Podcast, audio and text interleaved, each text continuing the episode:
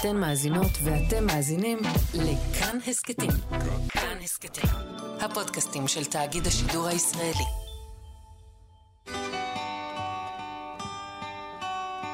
בלוקבאסטר עם זוהר אורבך.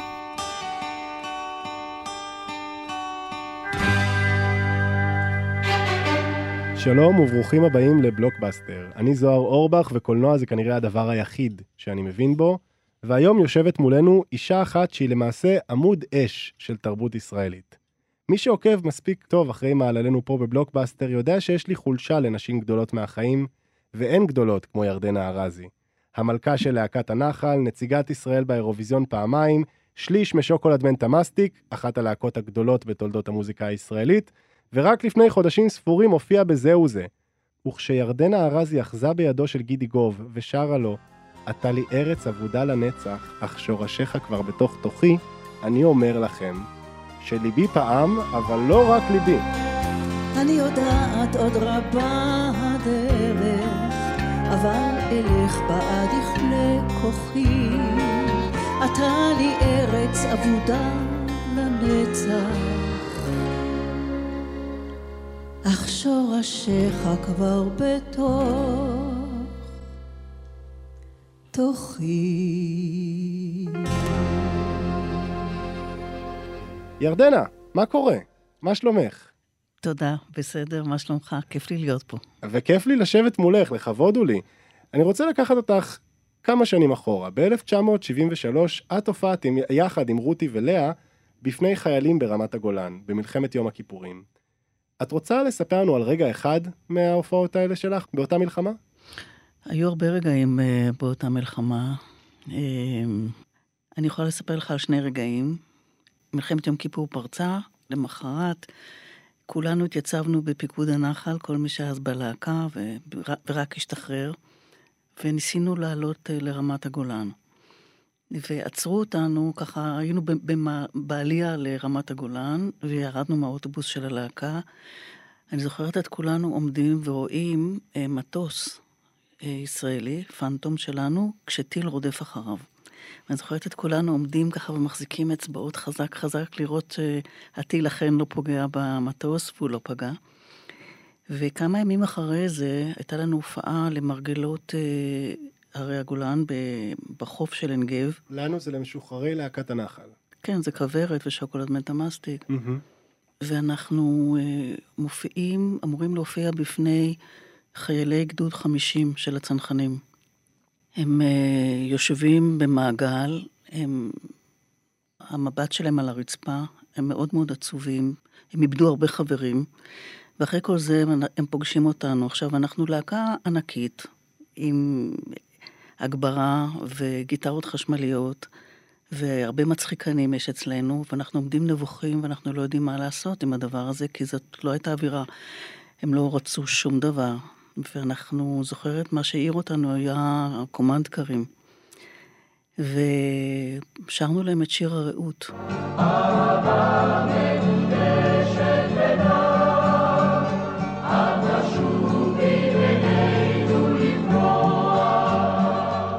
ואני זוכרת שהם בכו וגם אנחנו. וזה אחד הרגעים, אתה יודע, הכי מטלטלים שמישהו שמופיע לאורך כל השנים ובכל מיני סיטואציות, בכל מיני דרכים, המפגש הזה הוא מפגש מטלטל. ולפני כמה שנים אני הופעתי בגוש עציון עם הגבעתרון, וניגש אליי בחור, נתן לי מעטפה ונעלם. וכתב לי, תודה. על אותה הופעה בעין גב, אני הייתי אחד מהצנחנים שהיו שם, ורציתי רק להודות לך על זה. ועכשיו אנחנו 50 שנה אחרי, ועדיין מלחמה. כן. איך עכשיו זה להופיע? עכשיו זה משהו אחר לגמרי. עכשיו זה, אתה יודע, הראש שלך מסודר, כשאתה, מלחמה זה חיילים מול, מול צבא מול צבא.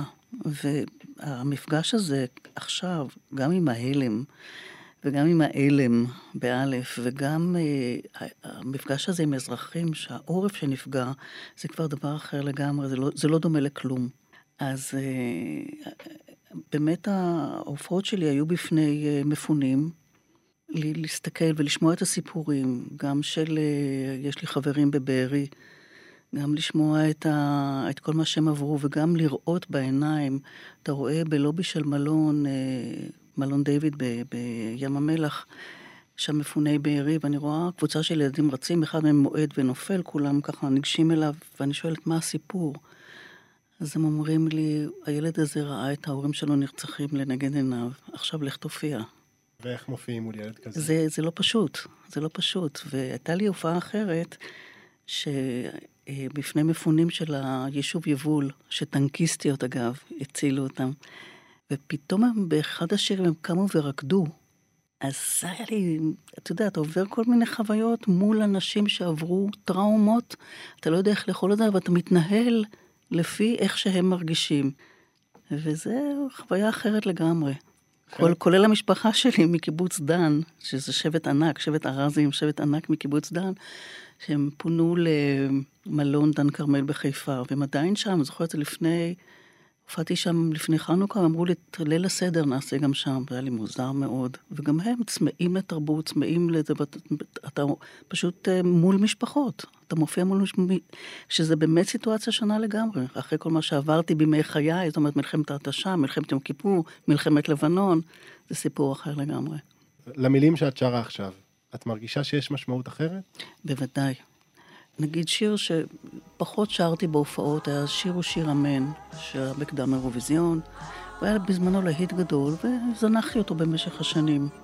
כי נת, נתתי מקום לשירים אחרים. פתאום שיר כזה, שיר בימים טרופים כאלה, כשהלב אינו נרגע, האדם רוצה נחמה, שיר הוא שיר אמן, ונראה שאין זו אגדה. פתאום אני מתחברת אחרת אל השירים וגם הקהל, וזה פתאום, שלא לדבר על השיר הביתה, שהוא כמובן אה, מקבל משמעות מטלטלת נוספת. ו... ויש שירים שמביכים אותי. איזה שיר אחד, מביך אותך? מה נתת לי? אני שרה, מה נתת לי, נתת לי אותו, נתת לי, עד ליום מותו, מה נתת? עד ליום מותי, עד ליום מותו, ופתאום אני, תוך כדי שאני שרה, אני אומרת, רגע, רגע, רגע, תמסמסי את המילים.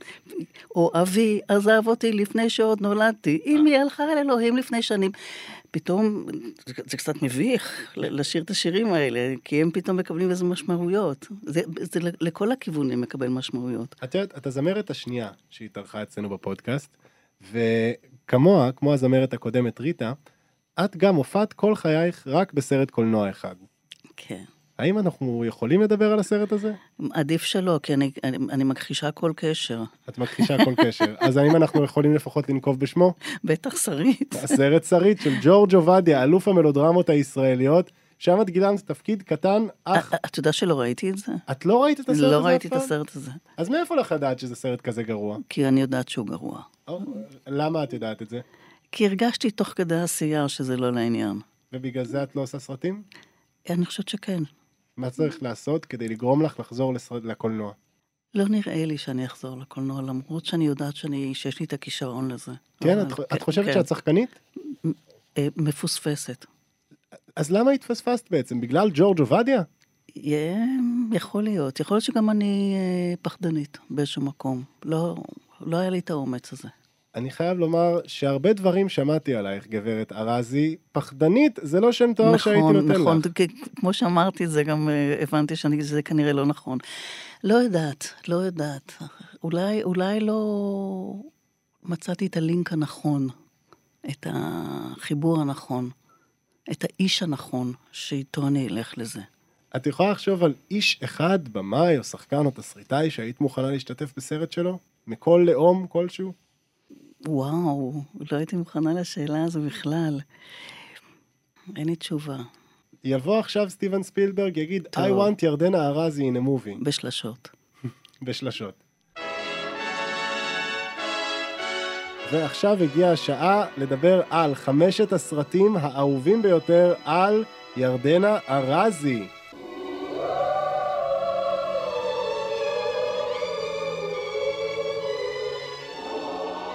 אנחנו מתחילים עם במבי, שביים דיוויד הנד בשנת 1942.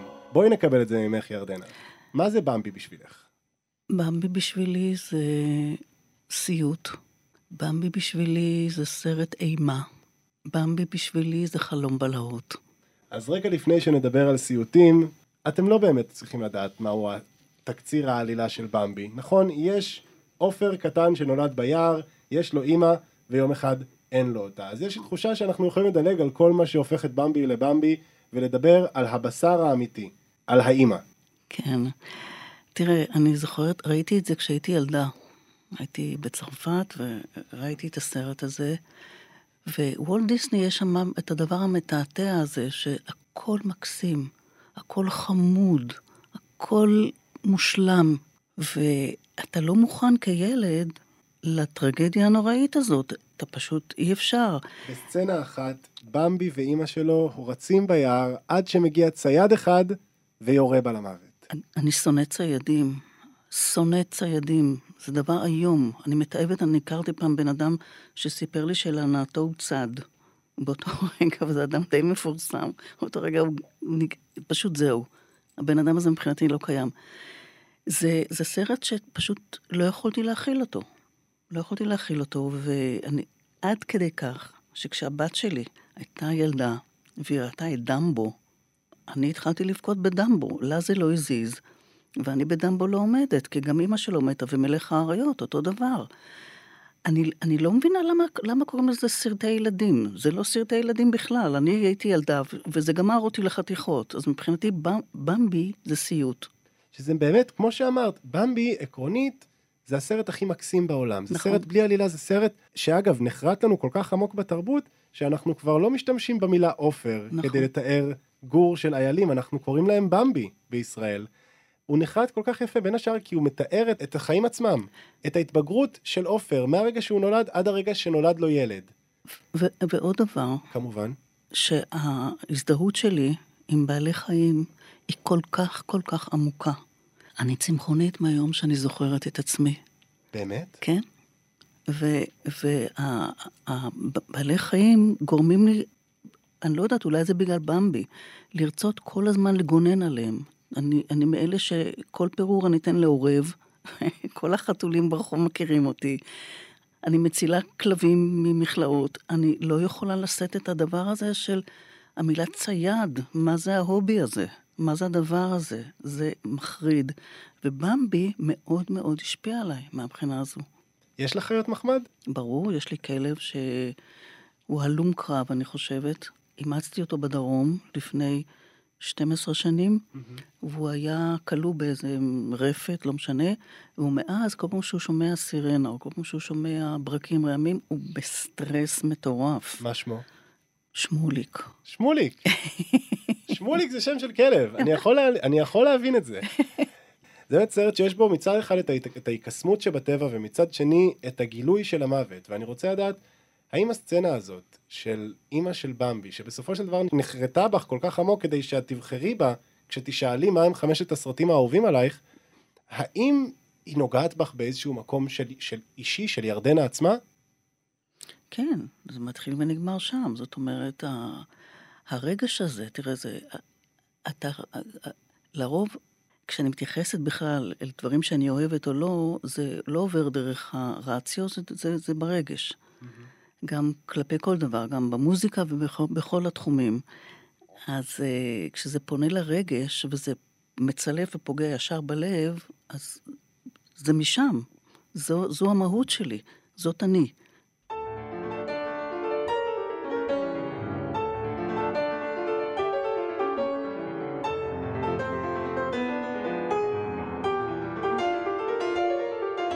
אפס ביחסי אנוש, שביימה טליה לביא בשנת 2014. הושיטי לנו יד ירדנה. מה זה אפס ביחסי אנוש בשבילך? אפס ביחסי אנוש, קודם כל זה מתחיל מהעובדה שזאת אה, יצירה ישראלית מאוד מאוד מוצלחת. ואני כקהל ישראלי, אה, שיש לנו כל מיני, רוחב היריעה של היצירה הישראלית הוא באמת רחב. לפגוש בסרט שהוא כל כך, בעיניי, אינטליגנטי ומצחיק, ואנשים מוכשרים, קודם כל סרט נשי, אה, ואני מאוד... אה, את אישה. אני אישה, ואני גם אוהבת חברת נשים, ואני אוהבת בכלל אה, יצירה נשית. והוא מדבר על מציאות כל כך ישראלית וייחודית. תראה, העובדה שישראלים מחויבים לשרת בצבא, גם גברים וגם נשים. אז זווית הראייה של נשים בצבא, אני חושבת שהיא לא באמת טופלה, אין, אין פה הירואיקה. יש פה רק נשים שהן תפקידים לא חשובים, בתפקידים אפורים, עם חלומות, ולטפל בכל הנושא הזה, שיש בו גם רגעים מאוד דרמטיים, בהומור, שבסופו של דבר אתה יושב וצוחק הרבה מאוד בסרט, ואתה רואה את השחקניות המוכשרות האלה. זה בעיניי סרט שגורם לי לא רק לראות אותו פעם אחת, אלא פעמיים, דבר שאני בדרך כלל לא עושה, ו- ולהיות מאוד גאה ביצירה הישראלית. אז מהבחינה הזו באמת אה, זה עבד עליי, מאוד. זאת היא הפעם השנייה שבה יצירת המופת השלישותית הזאת באה אלינו, אחרי שטליה בארטפלד באה איתה בפרק 11. בשביל מי שפספסו, אנחנו עם שתי חיילות וקצינה אחת בבסיס שיזפון, דפי, זוהר ורמה. דפי רוצה לעבור מהמדבר אל הקריה, זוהר רוצה לאבד את בתוליה, ורמה רוצה להיות הקצינה הכי טובה שהיא יכולה להיות, אבל היא לצערה ממש גרועה בזה. ובדרך, התאבדות, ניסיון אונס, רוחות רפאים, גריסי נייר שממלאים משרד שלם, קצין מחשוב היסטרי ואקדח סיכות שמופיע במערכה הראשונה ויורד צרורות בשלישית. אז זה עלה שבוע שעבר עם גלית חוגי, וגם בפרק שלנו עם אהרון גבע. את בזמנך, כשאת היית כוכבת גדולה, אני מרגיש שהיה פחות מקום לאישה המצחיקה בישראל. היו נשים מצחיקות בארץ תמיד, תמיד היה לנו את רבקה למיכאלי, תמיד היה לנו את חנה לסלאו, אבל את לצורך העניין, ידוע לי שאת אישה נורא נורא מצחיקה, אבל לעיתים... אני אוהבת גם לצחוק. לעיתים נדירות נתנו לך להיות אה, קומדיאנטית. טוב, אין לי, זה לא שאני באה עכשיו בתלונות אל הממשל או, ל... או למועצת גדולי התורה. לא, זה פשוט, אה, זה כן בא לידי ביטוי אה, בהופעות, זה כן בא לידי ביטוי ברעיונות, אבל אה, זה לא משהו מוחצן אצלי, זה, זה לא כרטיס הביקור שלי. את יודעת, כשאני חושב, כשאני רואה את הסרט הזה, ועכשיו במיוחד אחרי המלחמה, אני מבין למה בשבילי הוא הסרט הישראלי הטוב ביותר. מבחינתי הוא שם בגלל שאני מוקף בנשים ששירתו בצבא. ואני, כשאני שירתתי בצבא גם, הייתי מוקף בחיילות. אני יודע מה זה... איפה שירתת? הייתי בדובר צה"ל, הייתי צלם קרבי בדובר צה"ל. והייתי מוקף בבנות בצה"ל. אני יודע מה זה חיילות. וכאן באמת, כמו שאמרת, זה בנות בתפקיד הכי אפור ולא חשוב.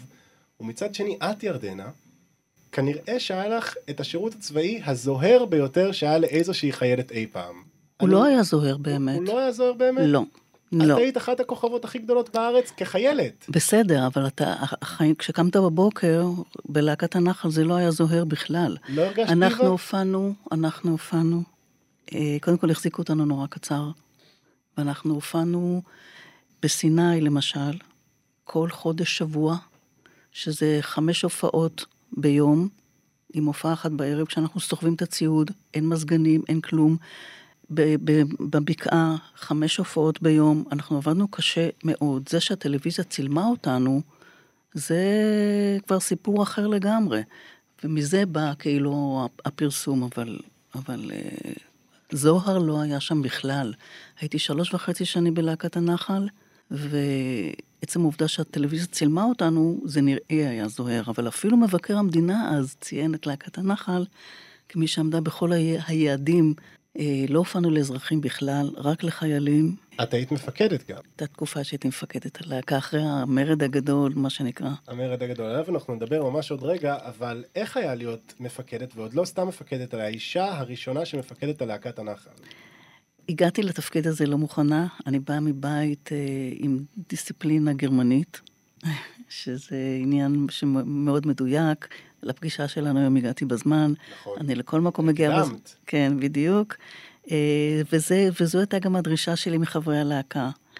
ואני חושבת שקצת אה, הגזמתי בנושא, ואפילו את הקלידן שלנו העליתי למשפט, והוא נכלל לחמישה ימים, וכשזה קרה הבנתי שאני באמת אה, קצת הרחקתי לכת ולקחתי אחורה, אמרתי... למעשה את היית הדיקטטורית של להקת הנחל. בדיוק, הדיקטטור הראשון. את היית הדיקטטורית הראשונה של להקת הנחל? כן. אבל באמת, קודם כל אני חייב לומר שכשראיתי את הסרט הזה שוב עכשיו, שמתי לב לשתי דמויות שהן ממש בשוליים של הסרט, ואני מאוד אוהב. קוראים להן חלי ואתי. הן מסתובבות כל הסרט ורק שרות שירים ישראלים. ואני אומר לעצמי, איזה כיף עם החיילות האלה, כי אני מכיר את החיילות האלה, כי במידה רבה אני הייתי החיילות האלה. גם אני הייתי מסתובב עם חברים שלי בצבא והייתי שר להם כל הזמן. בין אם הם ביקשו ובין אם לא, ולרוב הם לא ביקשו, כן? אבל באיזשהו מקום גם את היית קצת החיילת הזאת, לא? גם את שרת כל הזמן. לא, לא? לא, את שרת כשאמרו לך וסתמת כשאמרו לך. בדיוק, בדיוק. אה, אני, ואגב, אני עד היום ככה. כן? שום דבר לא השתנה. זה אותו דבר, כן. את יודעת, לפני שנעבור לסרט הבא, אני רוצה לספר סיפור אחד ידוע על מישהי, על צופה אחת, שראתה את הסרט אפס ביחסי אנוש. ואז אמרה לבמאית, טליה לביא, שהיא הרגישה כל השירות הצבאי שלה כאילו אף אחד לא ראה אותה. אבל הנה, טליה לביא ראתה אותה עם הסרט הזה. את גם היית חיילת שמרגישה שלא רואים אותה? לא, ממש לא. ממש לא. אני בכלל לא הייתי בסיטואציה הזו. תראה, אדם חי בתוך עצמו, זה לא ש... אבל ממש לא. אני הייתי בלהקה שהייתה עשייה, ו... לא, לא, ממש לא. זה... אבל כן יכולתי להזדהות עם האנשים השקופים, בהחלט. אני יכולה היום, ברור.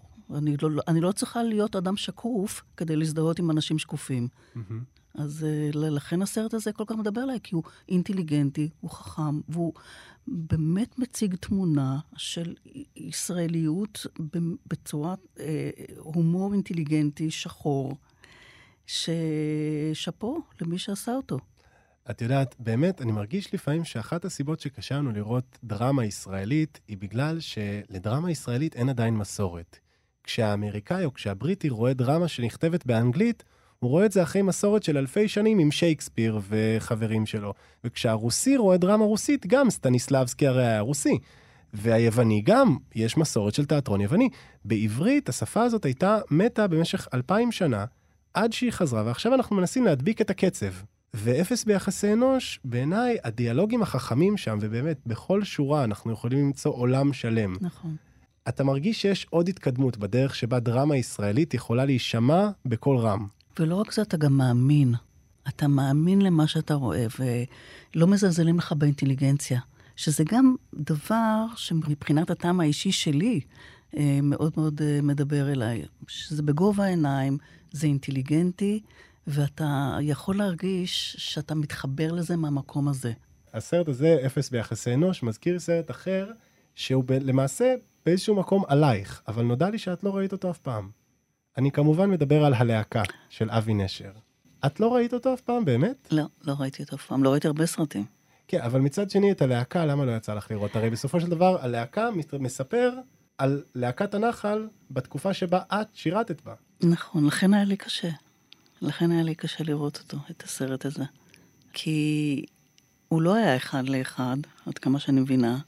אצלנו למשל בלהקה לא היה בכלל את העניין הזה של אה, מריבות על סולואים, זה לא היה אצלנו בכלל. בואו נעשה את זה אחרת. נועה, את מכירה את המילים? כן. בואי נעשה את השיר כשאת שרה את הסולו. אבל מה פתאום, זה הסולו שלי. לא היה דבר כזה. כשקיבלת את הסולו של הרעות, אף אחת ואף אחד לא עשה לך פרצוף? לא. ההיררכיה הייתה כל כך ברורה. כשהתגייסתי ללהקת הנחל, מירי אלוני הייתה חתמה קבע, אז היה ברור שכולנו עושים לה קולות. ואחר כך ההיררכיה הייתה מאוד מאוד ברורה, כך שלא היה בכלל מקום ל- ל- לדברים האלה. ולכן, זו, זו הסיבה שלא רציתי לראות את הסרט. מצד שני, האם אנחנו נזכה לשמוע ממך איך נראה המרד הגדול של להקת הנחל? אני יכולה לספר לך מה קרה אצלנו. בואי תספרי אוקיי, בבקשה. החזיק אותנו מאוד קצר, אני חושבת שהיום זה לא היה עובר מה, ש... מה שאנחנו חווינו. אה, פתאום בשלוש לפנות בוקר חזרות ומשמעת ברזל, אסור היה לנו ללכת בדיזנגוף. זה, אתה לא יכול לדמיין לך, ממש. היפה עם עצמות מלהקת הנחל לא יכלה ללכת בדיזינגוף? כולנו לא יכולנו ללכת בדיזנגוף, אסור היה, כי, הייתה, כי הבוהמה הייתה שם, ואסור היה לנו להתערבב עם הבוהמה. בקיצור, אה, אנחנו יושבים עם יאיר רוזנבלום, זיכרונו לברכה, שהיה המנהל המוזיקלי שלנו, והשעה היא שלוש לפנות בוקר, ואנחנו כבר ותיקים, אנחנו כבר לא חדשים.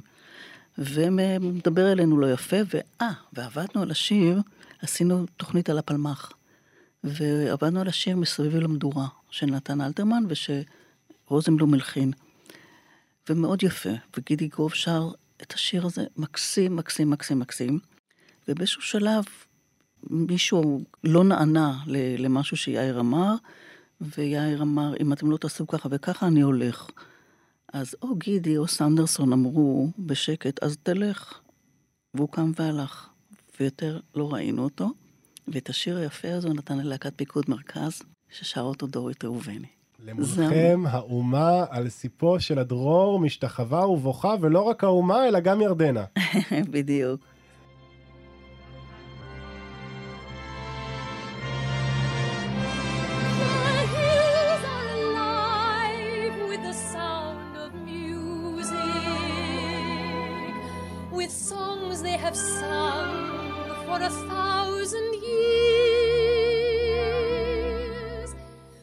פותרים בעיה כמו ירדנה? גברת ארזי, בואי נשמע את זה ממך. מה זה צלילי המוזיקה בשבילך? אוי, זה, זה תפנית בחיים. כמו קברט בשבוע שעבר, גם השבוע אנחנו עם מחזמר שמתרחש רגע לפני מלחמת העולם השנייה, והפעם במקום ברלין, זלצבורג שבאוסטריה. הנזירה הצעירה מריה רק רוצה לרקוד, והנזירות הוותיקות יותר שלצידה לא יודעות כבר מה לעשות איתה. היא נשלחת לביתו של הקפטן גיאורג פון טראפ, שם תשמש אומנת לשבעת ילדיו, שבעה נודניקים שחיים תחת משטר צבאי לכל דבר ועניין. למזלה, היא מגלה שאותו קפטן הוא למעשה גבר הורס, והוא בעצמו לא נותר אדיש ליופייה המשכר, וגם הילדים, שהיו פושטקים בלתי נסבלים בהתחלה, לומדים להתאהב בה. היא בתורה מלמדת אותם את צלילי המוזיקה. אבל רגע לפני שהילדים הופכים ללהקה נודדת ונרשמים לפסטיבל הזמר האוסטרי, קורית תקלה. הנאצים מגיעים, ולאף אחד מהם אין עניין לשתף איתם פעולה.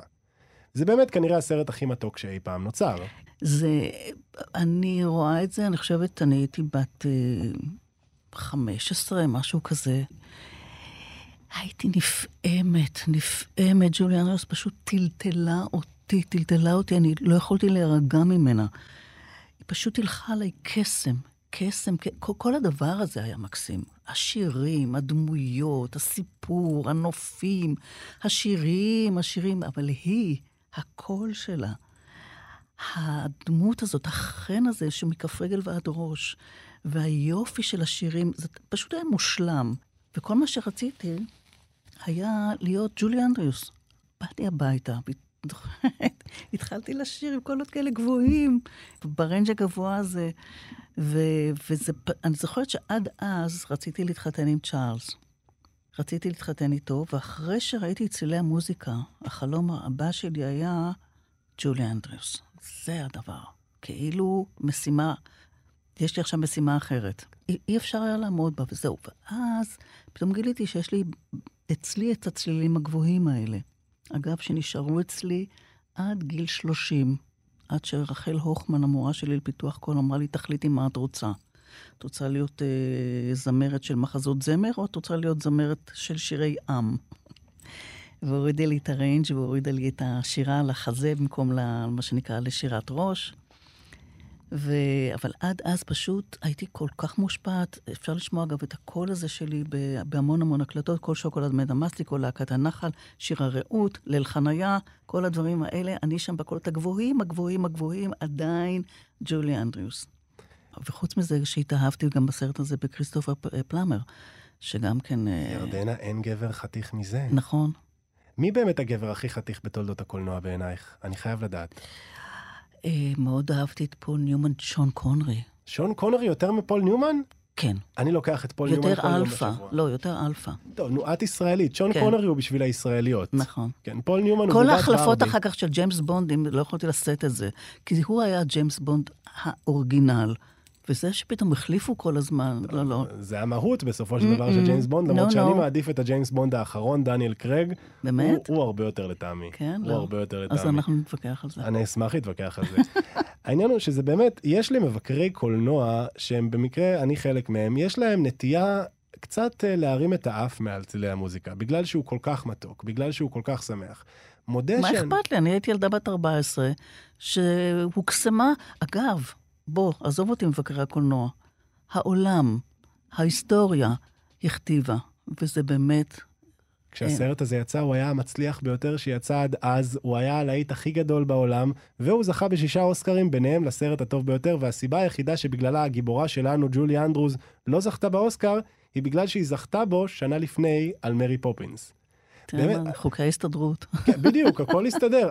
העניין הוא שלצלילי המוזיקה ולמרי פופינס יש לכאורה את אותה עלילה. נכון? האומנת באה לבית הקשוח וגורמת למשפחה ולילדים לאהוב אחד את השני שוב. typecasting מושלם. זה מצד אחד typecasting מושלם, ואגב, לאחת קוראים מרי ולשנייה קוראים מריה, כן? אבל כשאתה שם את שני הסרטים אחד ליד השני, אתה רואה איזה טווח יש לג'ולי אנדרוס. כי מרי פופינס היא לא מריה פון טראפ. מרי פופינס היא גיבורת-על קשוחה, קסומה, אבל קצת מפחידה אפילו. Close your mouth, please, Michael. We are not a codfish. ומריה פון טראפ היא המתוקה הגדולה ביותר בעולם. היא קצת דבילית, היא לא יודעת ללכת ישר, היא בורחת לכל מקום, והסרט הזה, הסיפור הזה שלה עם משפחת פון טראפ מייצב אותה. נזכיר שזה סיפור אמיתי? זה סיפור אמיתי כמובן, אבל את יודעת, קראתי קצת על משפחת פון טראפ וראיתי אפילו את ההקלטה היחידה שיש לשירים שלהם. הם לא נשמעו בכלל כמו בסרט, הם לא נשמעים בכלל כמו במחזמר. אבל מי צריך אמת? מי צריך אמת? מי צריך אמת? את מעדיפה קסם על פני ריאליזם? אני, אני מעדיפה אסקפיזם. את מעדיפה אס- אס- אסקפיזם. בעיקר, בעיקר לישראלים.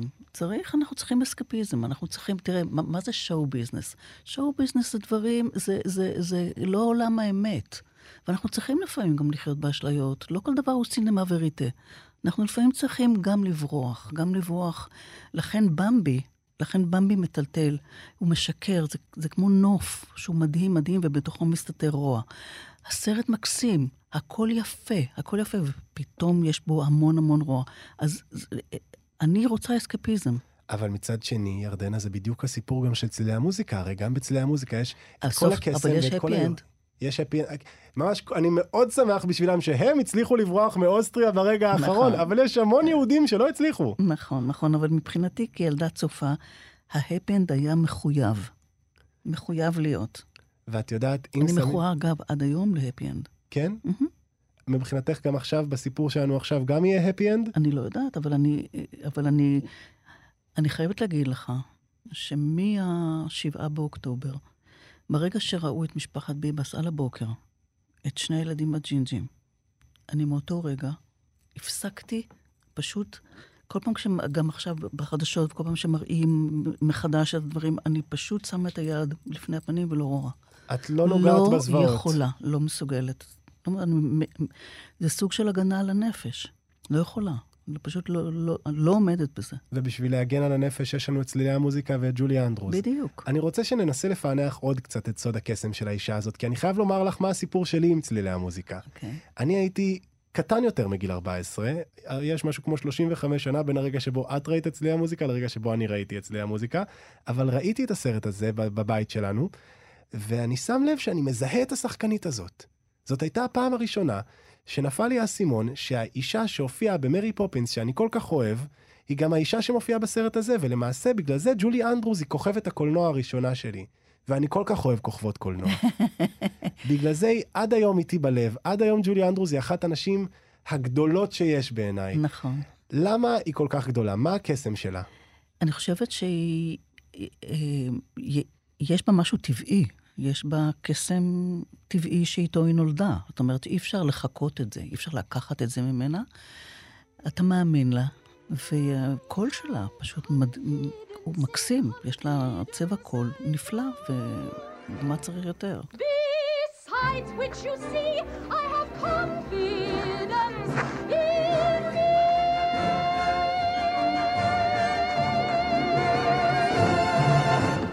אני רוצה לדבר איתך על uh, דמות אחרת, על עוד דמות שמופיעה בסרט, שאנחנו שוכחים ממנה לפעמים ובטעות. כי הרי יש לנו את הקפטן, ועל ליבו מריה צריכה להתחרות עם הברונית. מהמם.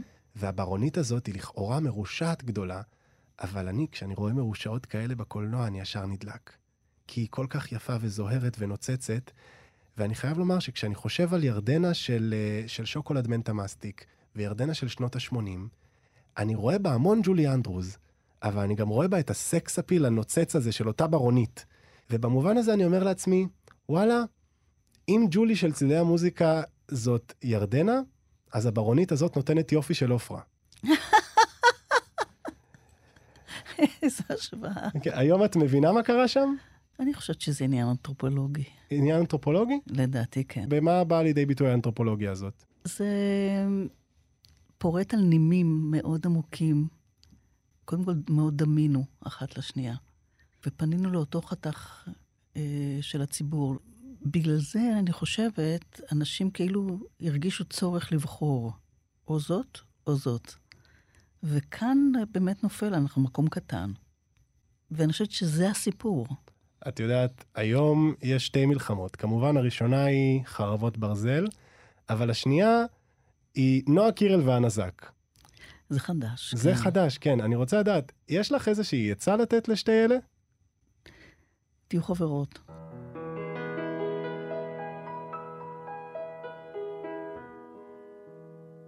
אנחנו עם בחירתה של סופי שביים אלן ג'יי פאקולה בשנת 1982. 19 פרקים עברנו ועל אישה אחת עוד לא דיברנו ואני מדי שבוע אמרתי לעצמי עוד נגיע, עוד נגיע ליום שבו מריל סטריפ תבוא לפודקאסט ותודה לך על זה ירדנה. בואי נשמע את זה ממך. מה זה בחירתה של סופי עבורך?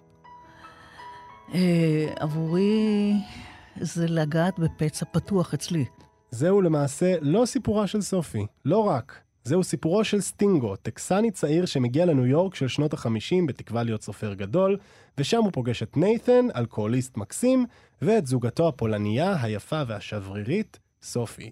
סטינגו מתאהב בסופי ולומד מדי יום את סיפורה הקתולית, שנשלחה למחנות הריכוז יחד עם שני ילדיה בגלל מעורבותה במחתרת, ובעברה אותה טראומה מכוננת שבה היא התבקשה לבחור איזה ילד היא תשלח לתאי הגזים.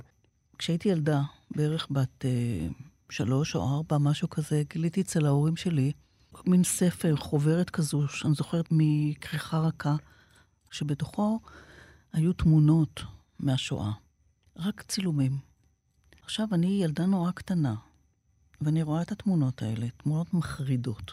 וזה נכנס. עכשיו, גדלתי באזור שבו היו, בחיפה, המון המון ניצולי שואה. והייתי בטוחה גם כשאני אגדל, גם, גם לי יהיה מספר על היד, כי לכולם יש מספר על היד. בקיצור, השואה נכח, נכחה ונורא נורא הפחידה אותי. גם לימים אחר כך אני זוכרת שאני הולכת לבית ספר, ומכל הרחובות, מכל הרדיו, אני שומעת את משפט אייכמן, עם כל התיאורים וכל זה, ואני אומרת לאימא שלי, איך, איך הלכתי לישון? אמרתי, אימא, תגידי לי שזה לא היה. תגידי לי שזה כמו סינדרלה, שזה כמו אה, הנזל וגרטל כזה, מין עוד אגדה. ומה היא אמרה לך? לא, לא הייתה לה ברירה, הייתה אומרת לי שזה לא היה. אבל אני, אני ידעתי שזה כן היה. והיו לי סיוטים בלילות מזה. אני זוכרת, אני חולמת שגרמנים רודפים אחריי. בקיצור, כמו שאמרתי לך על במבי, שזה סרט אימה, הדבר הזה של השואה אה, רדף אותי, ממש רדף אותי. ואת מריל סטריפ אני מעריצה. והלכתי לראות את הסרט בחירתה של סופי. והרגע הזה, שבו היא צריכה להחליט בין שני הילדים שלה, בין יאן ואווה, הוא רגע כל כך אה, קשה וכל כך אה, משמעותי. ואתה שואל את עצמך שאלות, ואתה מבין את הרוע, ואת הרוע האנושי, עד כמה הוא חשוף, ועד כמה הבן אדם בעצם הוא קורבן של החלטות של אחרים, ו- ואיזה פשוט טרגדיה איומה. אז זה הציף אצלי את כל הסיוט הזה של הילדות, כל הדבר הזה. ומצד שני, הסרט הזה משאיר בך המון המון חומר למחשבה. זה... ו- ו- וחשבונות נפש, וכל מיני דברים שזה מציף. הסרט הזה הוא סרט חזק. עד כמה שזה לא נעים לומר את זה בקול רם, אני מאוד שמח שהבאת אותו, בגלל שכשאני נדרש לחשוב מי מכל האנשים שעוסקים בקולנוע באיזושהי צורה אני הכי אוהב, מריל סטריפ היא המקום הראשון. כשאני הייתי קטן, אימא שלי בגיל 10 לקחה אותי לסרט השטן לובש את פראדה ואמרה שתדע שזאת השחקנית הטובה ביותר בעולם. נכון. והיא צדקה. היא תמיד צודקת, אמא שלך. את קולעת בול, זה נכון, היא גם תמיד צודקת, וגם אני חושב שאני אוהב אותה בין השאר בגלל שמריל קצת דומה לה, מריל סטריפ קצת דומה לה. ובאמת, עם השנים למדתי לאהוב אותה יותר ויותר, בגלל שהיא מצד אחד הזיקית האולטימטיבית, היא יכולה להיות כל אדם. היא יכולה להיות סופי, אבל היא יכולה להיות גם הגיבורה של מחזמר דבילי שמבוסס על שירי אבא, ובאמצע היא בכלל תהיה איזו נזירה חמורת סבר בניו יורק של שנות ה-70, וכל זה כאילו בא לה טבעי.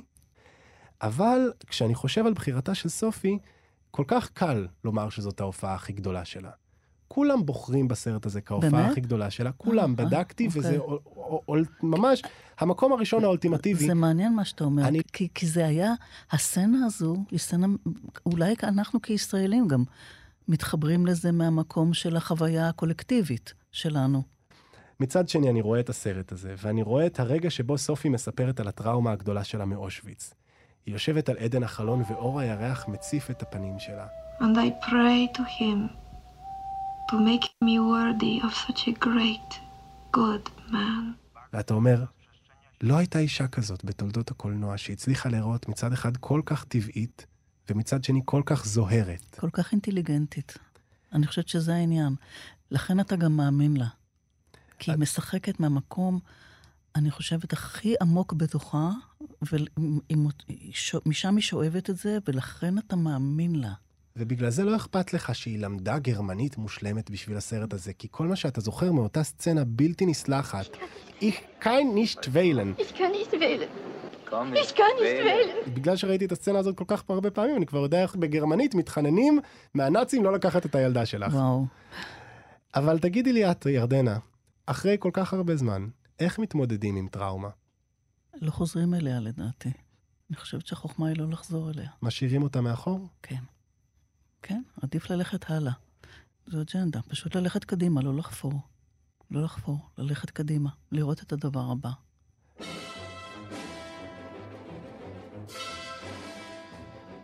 הגענו לסרט האחרון שלנו להיום. אנחנו עם סיפור הפרברים שביים רוברט וייס בשנת 1961. קחי אותנו הביתה, ירדנה. מה זה סיפור הפרברים בשבילך?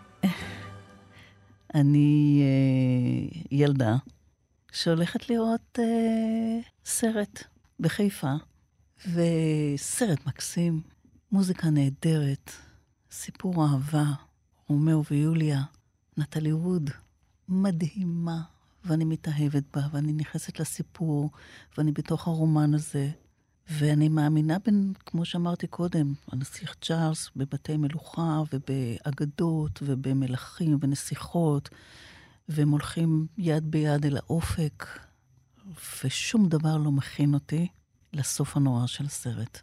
כלום.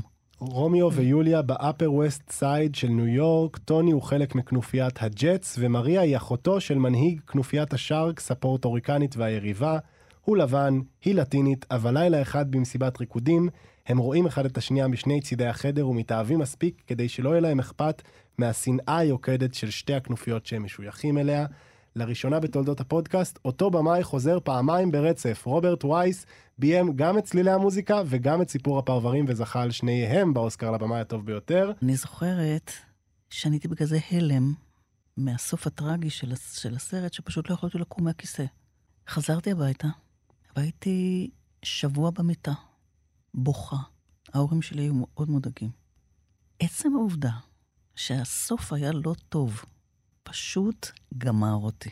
ולא הייתי מוכנה לזה.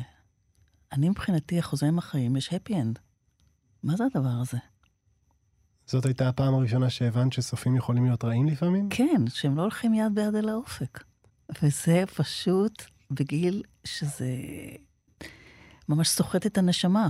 אז באמת, את אומרת, זה סרט עם סוף רע. אבל בואי נדבר שנייה על ההתחלה והאמצע. קודם כל, נטלי ווד המהממת, באמת עוצרת נשימה ביופייה, באותה השנה היא הייתה מועמדת לאוסקר על סרט אחר, על זוהר בדשא, אבל את, נראה לי, הבנת כבר אז שהיא לא זאת ששרה, נכון?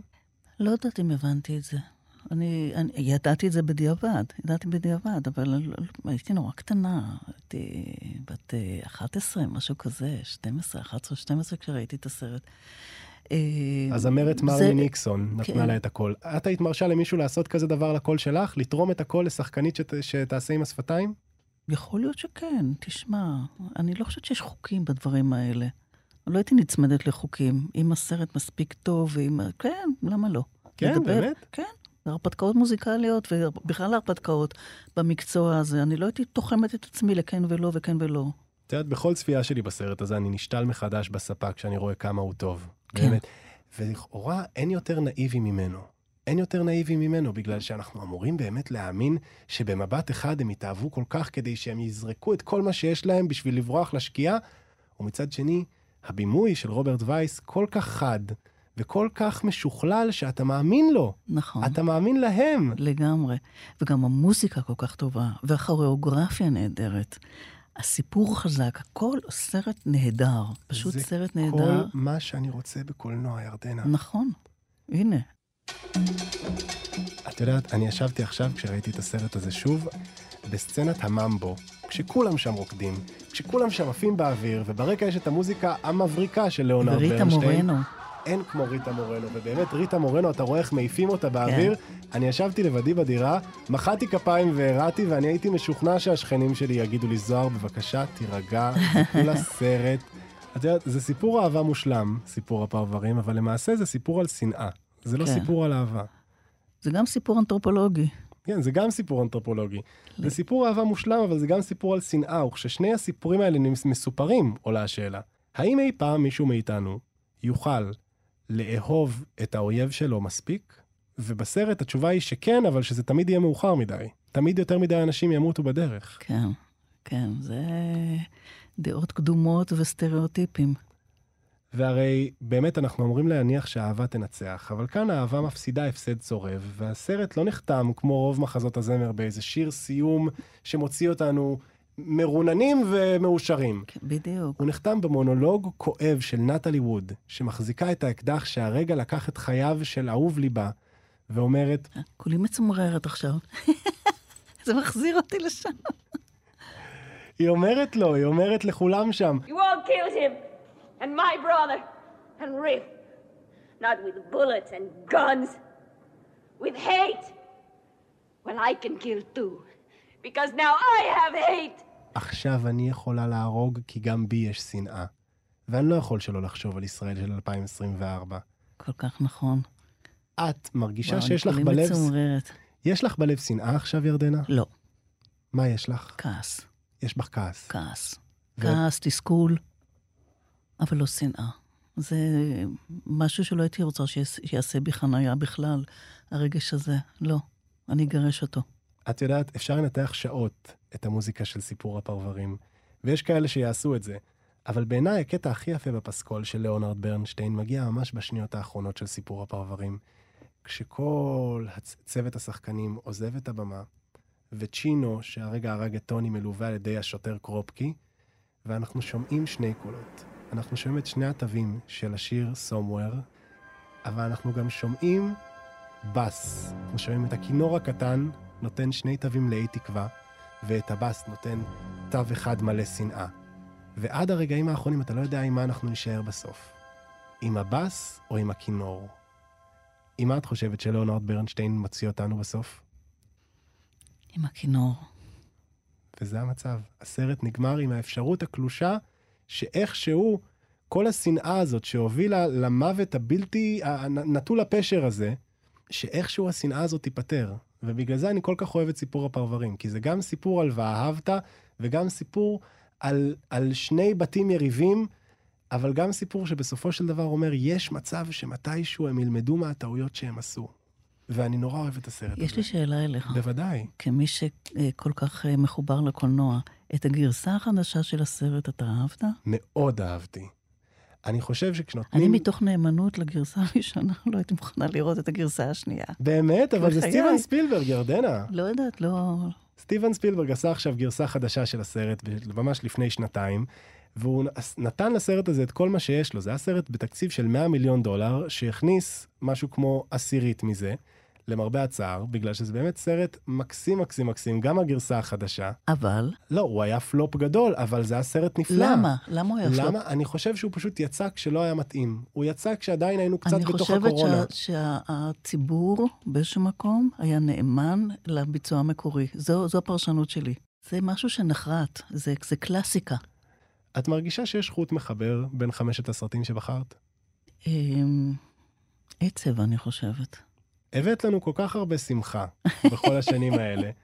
ודווקא את בוחרת, לה... באמת, אמרתי לעצמי, הרי מצד אחד יש לנו את אימא של במבי, וכמה רגעים אחר כך יש לנו את סופי שצריכה לבחור. אמרתי לך בהתחלה, שבאיזשהו מקום אה, הכל אצלי בא מה, מרגש. אתה יותר זוכר כנראה את הרגעים שטל, שטלטלו אותך רגשית. ושם זה מונח. ירדנה ארזי, לכבוד היה לנו. תודה לך, זוהר, נעמת לי. והנה אשכרה, בלי לשים לב, עברו 20 פרקים ונסגרה העונה הראשונה שלנו. המטרה הייתה פשוטה. רציתי לדעת מהם הסרטים האהובים עלינו, ורציתי שאנשי התרבות המובילים בישראל, מכל תחום אפשרי, יעזרו לי להבין את זה. אבל הפודקאסט שלנו העז בחוצפתו לעלות בספטמבר 2023. המלחמה הגיעה ומשום מה התעקשתי להמשיך לדבר על קולנוע. וגיליתי שאני בעצם לא לבד. בתוך כל הכאב הבלתי נתפס הזה, כמה מהאנשים הכי מרשימים, חכמים ומצחיקים בישראל הצטרפו אליי ודיברו איתי על הסרטים האהובים עליהם, ועל כך אני אסיר תודה. לרגע נתחצף ונניח את המלחמה בצד. עד עכשיו נבחרו בסך הכל 87 סרטים, מתוכם 58 דוברי אנגלית. אחריה, פטריוטים שכמונו, מובילה העברית, עם 14 סרטים ישראלים. היו לנו גם חמישה צרפתים, חמישה איטלקים, שני יפנים, שני יוגוסלבים, מקסיקני אחד ורוסי אחד. שני השחקנים הכי פופולריים שלנו הם, עד עכשיו, בפער. רונית אלקבץ, שהופיעה בשלושה סרטים שהוזכרו, שניים מהם היא ביימה יחד עם אחיה שלומי. ולקחת לך אישה, גט וחתונה מאוחרת. אבל שחקן אחד עקף אותה. מרלון ברנדו, שהופיע בארבעה סרטים שהוזכרו בפודקאסט עד כה. חשמלית ושמצ'וקה, אפוקליפסה עכשיו, הטנגו האחרון בפריז וסופרמן. מודה, הייתי שמח לראות ביקום מקביל כלשהו את שניהם משחקים זוג, בין השאר בגלל שרונית הייתה אוכלת אותו בלי מלח. הבמאים המובילים בפער עבור האורחים שלנו הם האחים כהן, היחידים שסרטיהם נבחרו בפודקאסט שלוש פעמים, עם ארץ קשוחה, ברטון פינק וביג ליבובסקי. יש לי הרגשה שאלו לא שלושת הסרטים היחידים שלהם שיוזכרו פה, ובצדק. הסרטים הפופולריים ביותר בקרב אורחי בלוקבאסטר הם סינמה פרדיסו, סרט איטלקי שמנציח את כל מה שבאנו לעשות פה בפודקאסט הזה. לאהוב סרטים ולאהוב אנשים. תודה רבה לך ריטה, ותודה רבה לך משה אדרי. אפס ביחסי אנוש הישראלי, מבחינתי הסרט הכי טוב שנעשה פה. תודה רבה לך, טליה בארטפלד, וירדנה ארזי, שבחרו בו. אבל יש סרט אחד, שהוזכר פה כל כך הרבה פעמים, שמש נצחית בראש צלול האמריקאי, הוא בפער הסרט הכי פופולרי בקרב כל אורחי בלוקבאסטר. כשנועה קולר הביאה אותו, שמחתי. כשיאיר אגמון הביא אותו, אמרתי, איזה קטע, הוא חזר. כשארי פולמן הביא אותו, אמרתי, אדוני, יש לך גלובוס זהב, ביימת סרטים עם רובין רייט ויבגניה דודינה, אבל חלאס. וכשאיתי בן שמחון רק אמר את השין של שמש נצחית בראש צלול, כבר התחננתי מספיק ודי. הבנו שזה סרט יפה, יש עוד סרטים. לפחות עבורי אין אושר גדול יותר מלדבר על סרטים, טובים כגרועים. תודה ענקית לצמד הדיבות הגדול באמת של הפודקאסט שלנו. דניאל מאורר העורכת ונועה טייב המפיקה. תודה לכם שהאזנתם. אוטוטו חוזרים, אני זוהר אורבך. אנחנו זמינים בכל יישומוני ההסכתים ובאתר כאן. נתראה כשנחזור, ממש עוד מעט, עם הסרטים הבאים. ועד אז, שמרו על עצמכם.